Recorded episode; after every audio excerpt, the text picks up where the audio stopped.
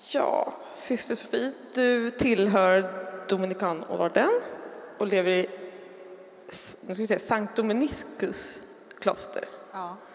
utanför Lund. ja. Där jag och min man fick hälsa på dig en dag och det var väldigt givande och intressant. Och där har du varit i snart 30 år. Ja, jag gick i kloster 1990, men det var i Frankrike först. Så först har jag, jag har levt sex år i Frankrike och fått så att säga grund, eh, utbildning eller vad man säger, formation där. Så jag kom tillbaka till Sverige 2000, ja det var 2005 faktiskt, men det blir sex år ändå i Frankrike. Så sen dess, så det blir i alla fall eh, 20, vad är det nu, 25 år nästan. Vilket är otroligt. Ja. Men ditt liv börjar här i Stockholm i ett sekulärt hem i Bromma. Ja, ja. Berätta lite kort om var du kommer ifrån från början. Ja, jag kommer från Stockholm, vuxit upp- vuxit upp i Bromma och eh, jag kan ju inte, jag får ju ta bara någonting kort här om vi ska prata. Så att ehm, jag eh, var inte alls aktiv i någon kyrka eller hade någon tro. Eh, och i slutet av 70-talet efter gymnasiet så var vi ett helt gäng goda vänner som flyttade in i ett stort kollektiv i Bromma, i eh, Äppelviken om ni känner till. Kan jag flika in att du var lite barn av din tid, tror jag, eller? Precis, det var ju inne då med att leva kollektivt och vara vänster och ha palestinasjal och arbetarskor och, och fårskinnspäls och allt, liksom hela attiraljerna. Och eh, demonstrera och, och ha de rätta åsikterna, mer för min del som en etikett. Jag var egentligen liksom inte jätteinsatt, men i alla fall. Jag var väldigt... Jag tycker fortfarande att jag hade sån tur, för jag hade så, det var så otroligt goda vänner. Vi hade så otroligt roligt och eh, väldigt förspänt. Eh, alla ifrån den här miljön eh, blev sen. Vi har en minister i regeringen faktiskt som var med där och en eh, författare som skriver pjäser och så vidare. Det var väldigt... Och, och, så att på något sätt tyckte jag att jag hade allt. Eh, pengar, framtidsmöjligheter, eh, vänner eh, och så vidare. Och ändå kände jag att det allra väsentligaste saknades, att det var en enorm tomhet. Och det var den tomheten som gjorde att jag på något sätt ändå gav mig iväg för att söka Gud. Och du ger dig iväg, minst sagt, på en andlig resa. Mm, först hade jag ju ingen begrepp om Gud eller hans närvaro. Jag visste bara, det fanns liksom bara tom, tomheten. Men gnistan tändes när jag var i Israel på en kibbutz och eh, lärde känna där en, en eh, kille från Australien, Matthew, som var en riktig Jesus-freak. Eh, som hade mött Jesus och strålade. Och jag var så fascinerad över att en så snygg kille. Han såg ut lite som Björn Borg, långt hår. Att han kunde vara kristen. Eh, men det var det första vittnet av flera vittnen. Som, eh, och jag kände att han har det där som jag saknar. Och det blev så starkt att jag kände någonstans att jag kan inte leva utan att jag har hittat det där. Så att från den stunden så skickade jag faktiskt hem hela mitt stora bagage som jag hade haft med mig, liksom med hårfön och jättemycket klädbyten och sånt. Och så blev Matthew min idol, så att jag skulle göra precis allt som han. Så att jag hade lika liten väska, lite lika lite bagage. Jag blev vegetarian med en gång. Och, liksom, ja. och han var nästan Jesus för mig. Men som tur var så eh, det var inte hon, i alla fall, han försvann ur bilden och jag gav mig iväg på en resa till Indien och flera platser för att söka Gud.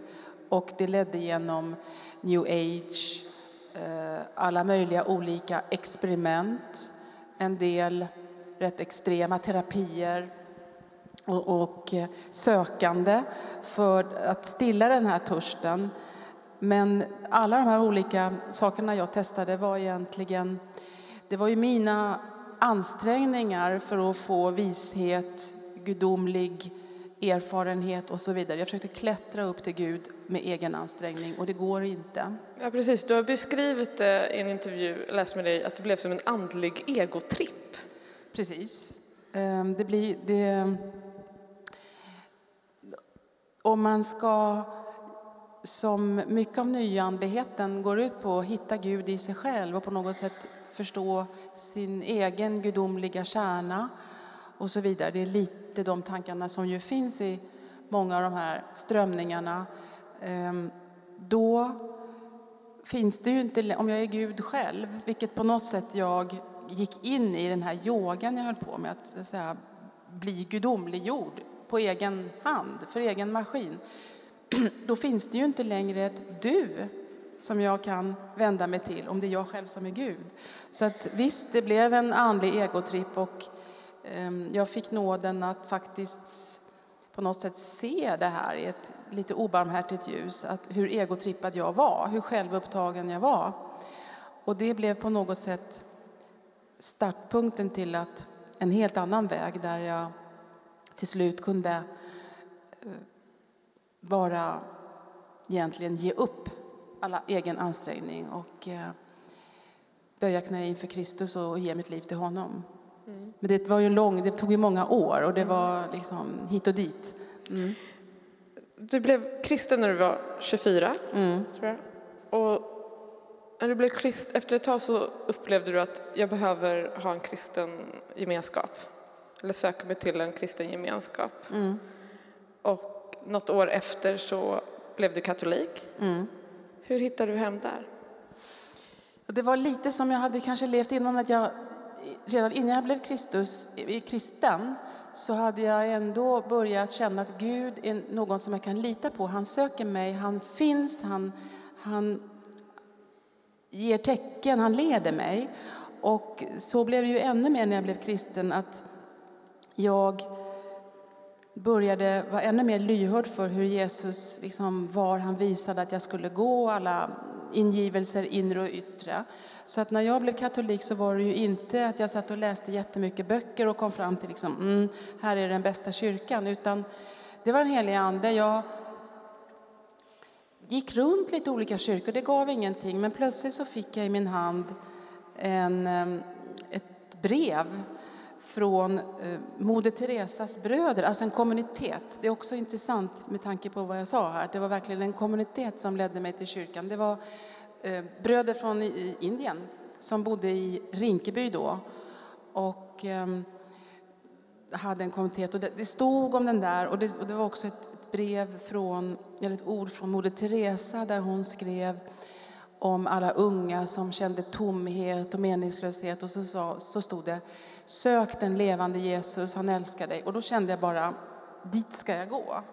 Och när jag kom till bröderna eh, i Rinkeby så var ju det perfekt för att jag hade väldigt stor aversion mot allt kyrkligt och liksom klerikalt och det här stela. Men där satt man liksom på golvet och spelade gitarr och det var indier och, och mycket ungdomar. Och så bland de här, de var ju katoliker förstås. Och så kom jag liksom att sitta bredvid en tjej som hade precis lämnat Hare Krishna och en annan tjej som hade precis lämnat Ananda Marga, som var en annan sekt. Och jag hade då varit med i Sri Aurobindo, liksom, sekten. Och plötsligt så sitter vi där alla tre, lika gamla.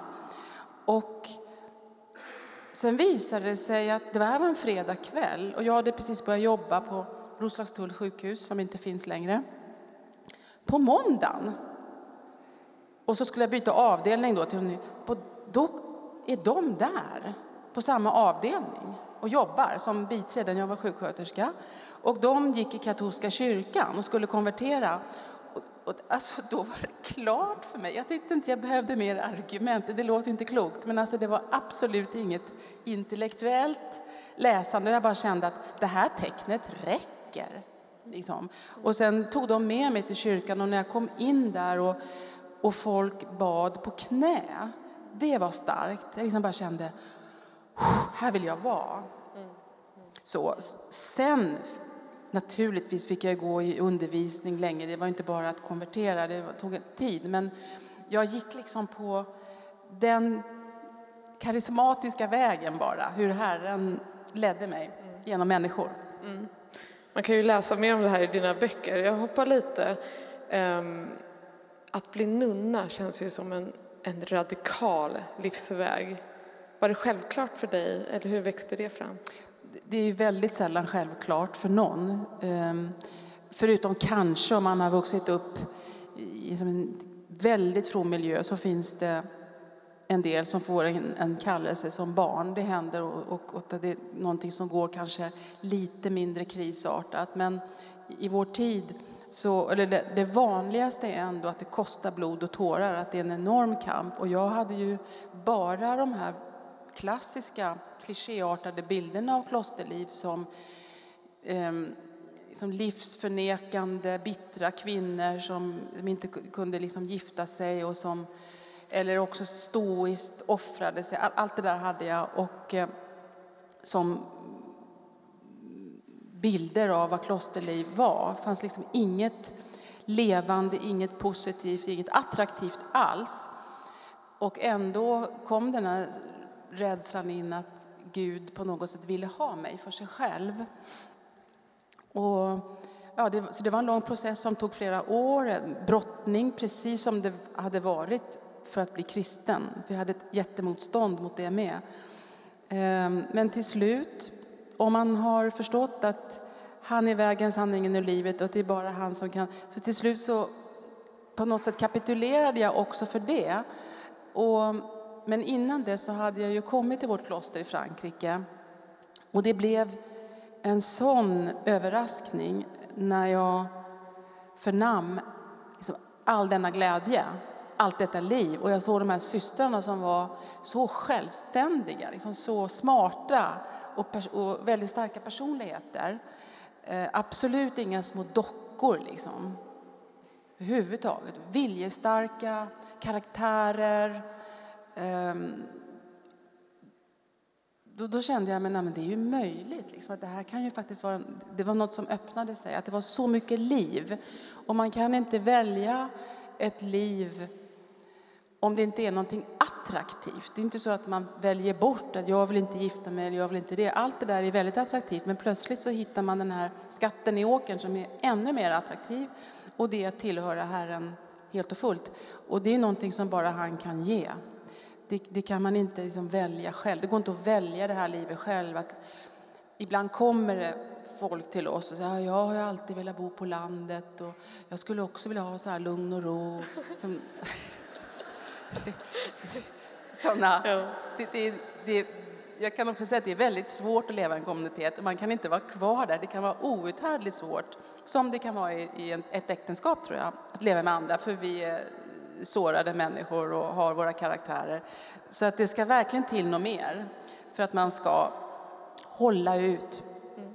Jag tänker det som du nämnde, det här att, att man kanske har en bild av eh, av klosterlivet att det är instängt, att det är gränsat till egocentriskt ehm, eller att det skulle vara kallt. Ibland porträtteras det i filmer som typ Arn, att det är liksom hårda och kalla. Vad, vad tänker du kring det? Kan du slå ihjäl några myter? Vad ska jag säga? Alltså, klost, det, det, Arne är ett bra exempel, för vi har den här hemska nunnan och så, men vi har också bröderna. Som, och klosterlivet har ju varit med och byggt upp hela den europeiska civilisationen och kulturen. Alltså om man tittar på historien, om vi tar, så är det de som eh, förvandlade vildmark till uppodlad, uppodlat land, eh, kom med alla liksom växtförädling, konstbevattning, bevarade hela det antika arvet, bevarade Bibeln, liksom alla skrifter, alla, Eh, läkekonst, läkeurter, gudsfreden, så att, att man i klostren inte fick döda någon, utan där var man tvungen att lösa konflikter genom att samtala med varandra.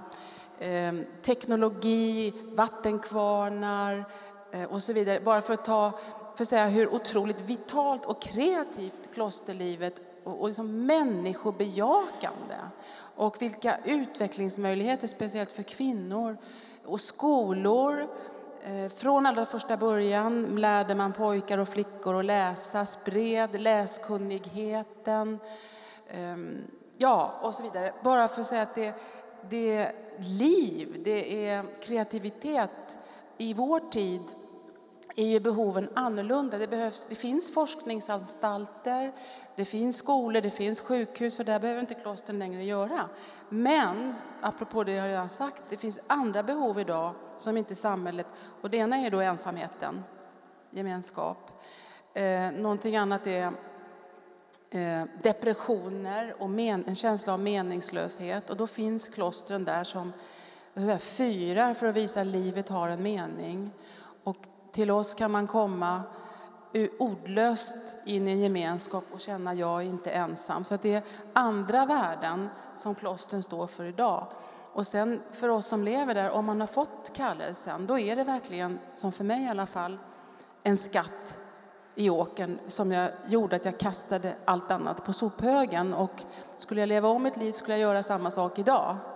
För att det är så rikt liv. Naturligtvis här på jorden har vi korset. Eh, och, det, och jag är en människa, jag är absolut inte liksom mer helig än någon annan. Det är inte ett liv som ger mig en bättre plats i himlen. Jag kan inte välja det här livet för att bli mer privilegierad. Då blir det liksom förstört från början. Utan enbart därför att det var en attraktion som drog mig in, som var så stark.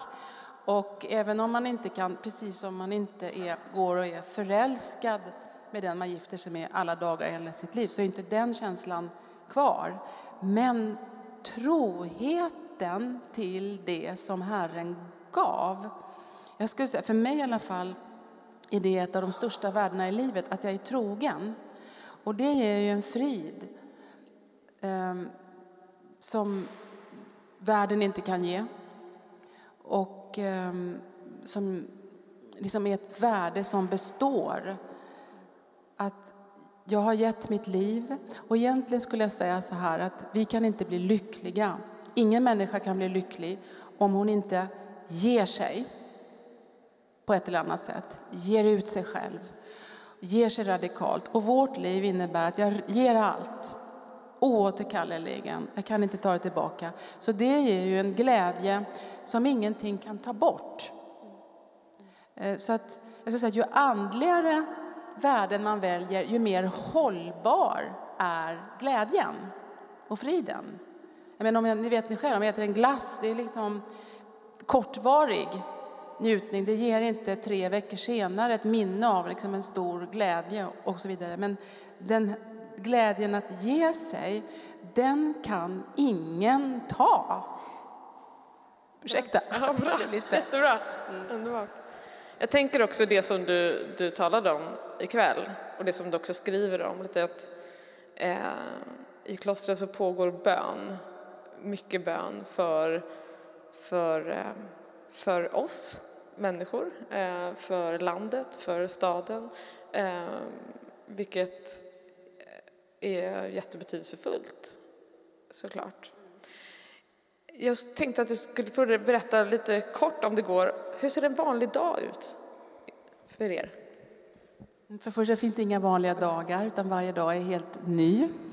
Eh, men det finns naturligtvis en ram, en struktur och som hjälper på något sätt för att, så att säga, leva i den här nyheten av Guds närvaro. Och den strukturen som är väldigt vilsam och som absolut inte är tråkig, tvärtom på något sätt sparar väldigt mycket energi. Det är ju att vi börjar dagen med bön och ber på särskilda tider. Det är verkligen det klassiska i alla kloster och det kommer ju från judendomen för övrigt. Ehm, så vi har en timme tyst bön först, halv sju till halv åtta. Och halv åtta, eller man kan kalla det meditation, vi kallar det för tillbedjan. Och halv åtta är det laudes som ju är morgonbönen, i latin och betyder lovsång. Det är så att det första och innan dess så råder den stora tystnaden, så då är det verkligen tyst. Så det första, när man öppnar munnen på morgonen så är det för att lova Gud. Det är en lovsångsgudstjänst, men det är inte lovsång som här Jag tror inte att någon skulle orka liksom den typen av musik dag ut och dag in varje morgon, utan det är mycket mer sobert på ett sätt. Salta salmer och läsningar. Sen är det frukost, om man inte har ätit frukost innan, det, det, lite en del gör det. Och därefter har vi, norm, alltså det går ju inte att få det jämnt, men idealet det är att man har två timmar eller en och en halv, två timmar med intellektuellt arbete. Att alla är på sina celler och det är då jag skriver. Läser, förbereder, föredrag eller liksom den typen av aktivitet. Det går inte att hålla det alltid, men det är, re, det är så att säga riktmärket. Och det, det, vi mår bäst när vi kan ha det så. Jag gör det. Då kan jag liksom ge ut mig i en aktivitet som för oss är väldigt viktig, dominikaner, att studera. Studien, studierna är en bön till sanningen.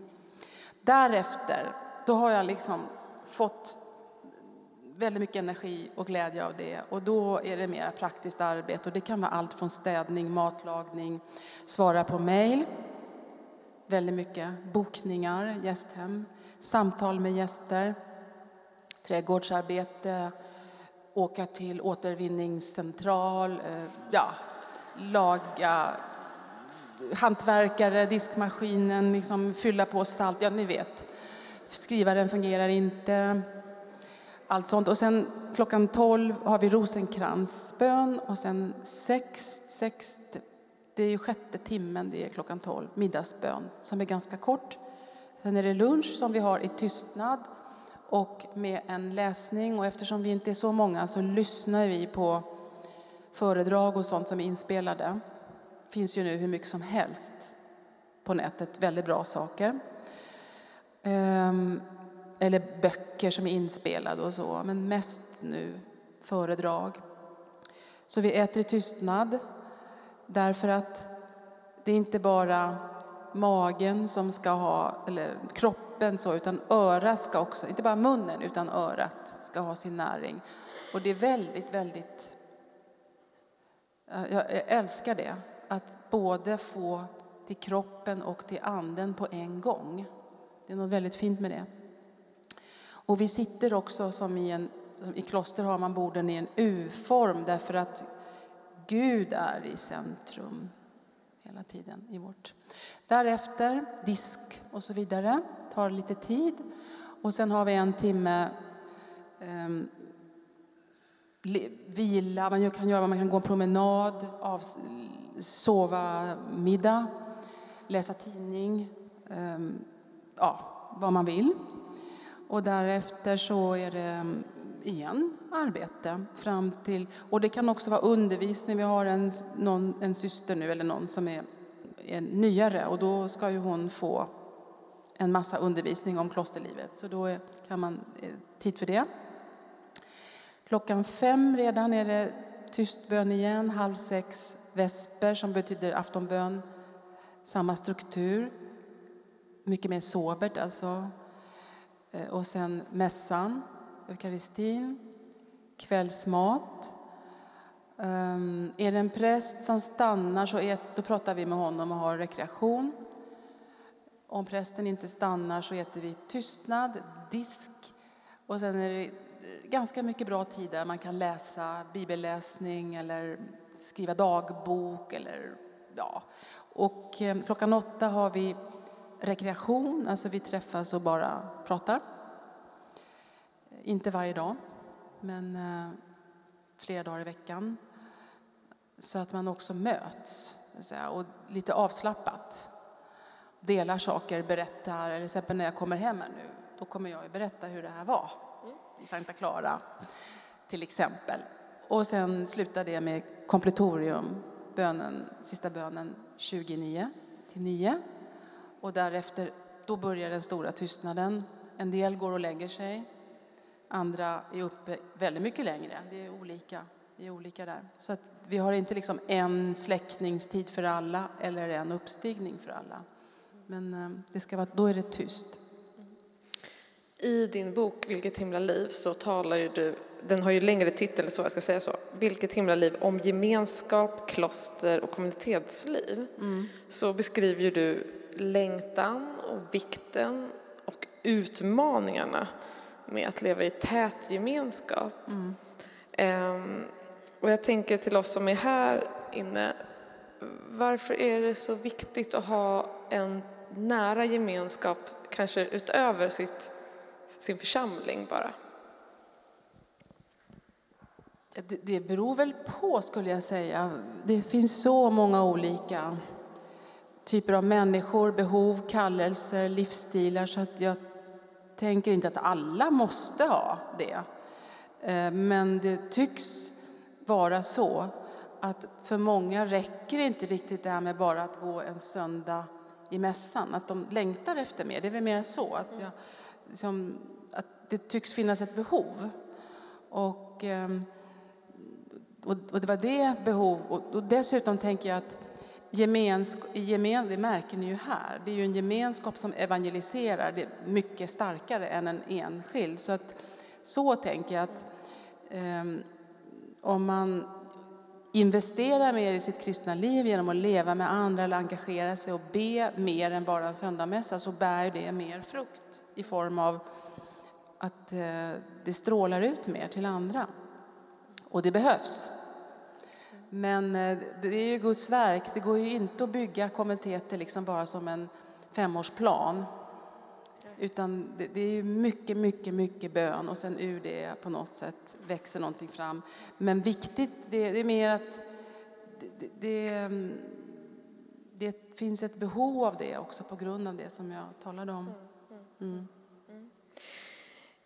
Du har ju skrivit en mängd böcker som jag kan rekommendera för att du har ju en otrolig penna så att säga. Du skriver ju också fantastiskt bra men också för att vad jag förstår så är, är din orden som du tillhör handlar mycket om att eh, både studera och predika mm. med ordet. Mm. Um, har du något på gång nu? Ja, jag håller på med någonting som är, det tycker jag, men det är kanske alltid så. Vet inte, att det känns som att det är det svåraste jag håller på med, men jag i alla fall håller på längre än någonting annat. Det, det är större, det är mer omfattande. Åtminstone det är svårare. Så jag jobbar med någonting som jag hoppas ska bli klart i år, i slutet av året. Ehm, jag vill inte säga för mycket. Okay. Vi får hålla oss uppdaterade helt enkelt.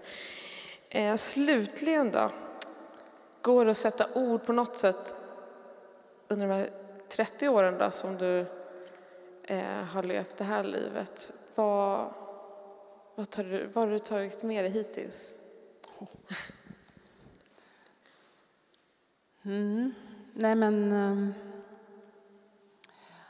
att Gud är tro... Nej, men jag, det är förundran, faktiskt ändå. Otrolig förundran. Jag känner mig som en överlevare på ett sätt, har jag tänkt ibland. För att jag lika gärna kunnat vara död. För, med tanke på liksom hur förtvivlad jag har varit i, innan jag mötte Herren.